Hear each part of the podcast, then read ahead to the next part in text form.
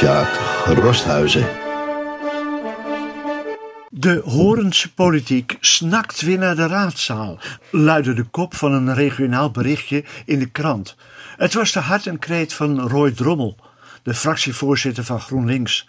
En als Roy dat zegt, dan is hij er echt aan toe. Het is een soort politieke huidhonger die echter door de, het COVID-19-virus niet gelenigd kan worden. Voor de raspolitici met een enorme democratische roeping is de manier waarop in deze tijd het politieke tegen- en samenspel moet worden bedreven een waarlijke hel. Je komt ze af en toe tegen en je herkent ze ook direct.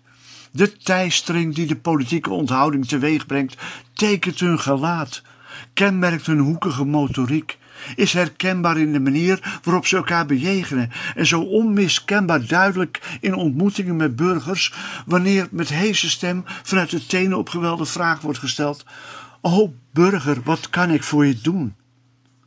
Ook Arwin Rood, de fractievoorzitter van D66. Ik merk even op dat beide heren deel uitmaken van de coalitiepartijen spreekt de vurige wens uit weer eens fysiek bij elkaar te komen.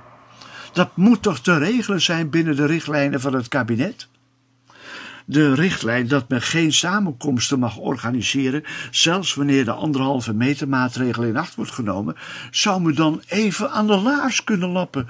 En een boete van 35 maal 390 euro voor de raadsleden en zes keer dat bedrag voor het college en nog een paar keer voor de ondersteunende ambtenaren en leden van de pers riskeren. Democratie mag wat kosten. En de hoogte van de boetebedragen is tevens een prachtige aanwijzing dat in Horen de politiek wordt bedreven door volwassen mensen. En mocht het zo zijn dat dit zonder boetebepalingen of zonder dat het stiekem moet gebeuren en de boa's en de politiedienaren naar andere delen van de stad worden gestuurd en dan kan plaatsvinden, dan rijst de vraag: waar is er plek om zoveel vergadermeubilair op gepaste afstand van elkaar neer te zetten? De schouwburg schijnt lastig te faciliteren te zijn. Maar we hebben ook sportzalen in de gemeente. En wanneer we met elkaar een stel tafeltjes en stoeltjes uit scholen slepen, waar ze ook maar ergens in een hoek zijn weggezet om de RIVM-maat mogelijk te maken, dan slaan we twee vliegen in één klap. Voor Roy mag de klap op de schouder dus doods even uitblijven.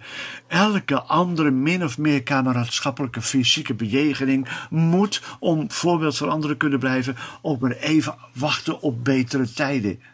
Als die ooit terugkomen natuurlijk.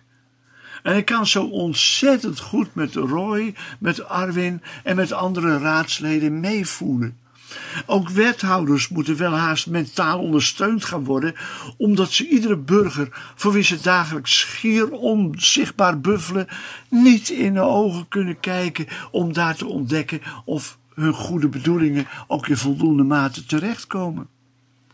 Ik zag onlangs een videoboodschapje langskomen van wethouder Samir Bashara, die zo vanuit het diepst van zijn hart een hart onder de riem wilde steken bij allen uit zijn portefeuille. Zijn blik, dat valt mij dan weer op, was er een die getuigde van de moed der wanhoop.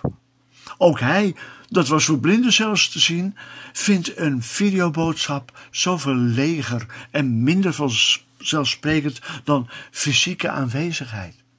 Dat moet bij alle andere collegeleden precies zo zijn. Ik meen ze te kennen en dan durf ik dit ook zo te stellen. Ik ben kennelijk niet met elke bestuurder Facebook bevriend, zodat ik hun bekommerde zoeken naar bemoedigend troost en sterkte wensen niet zie langskomen. Maar dat wil niet zeggen dat het hun koud laat dat wij naar hun bestuurlijke activiteiten moeten raden. Maar ooit, en dat zal niet te ver in de toekomst zijn, zal er een nieuwe modus ontstaan. Uiteraard via de moderne elektronische snelwegen, waardoor de democratie weer zichtbaar wordt voor hen die zich daarvoor interesseren. En als bidden daarom zou helpen, zou ik dat zelfs overwegen. Ik reken eigenlijk meer op de eigentijdse vaardigheden ten stadhuizen. En dan zullen Roy Drommel en Arwin Rood en alle andere politieke doeners weer opfleuren wordt het vanzelf weer even een mooie zomer.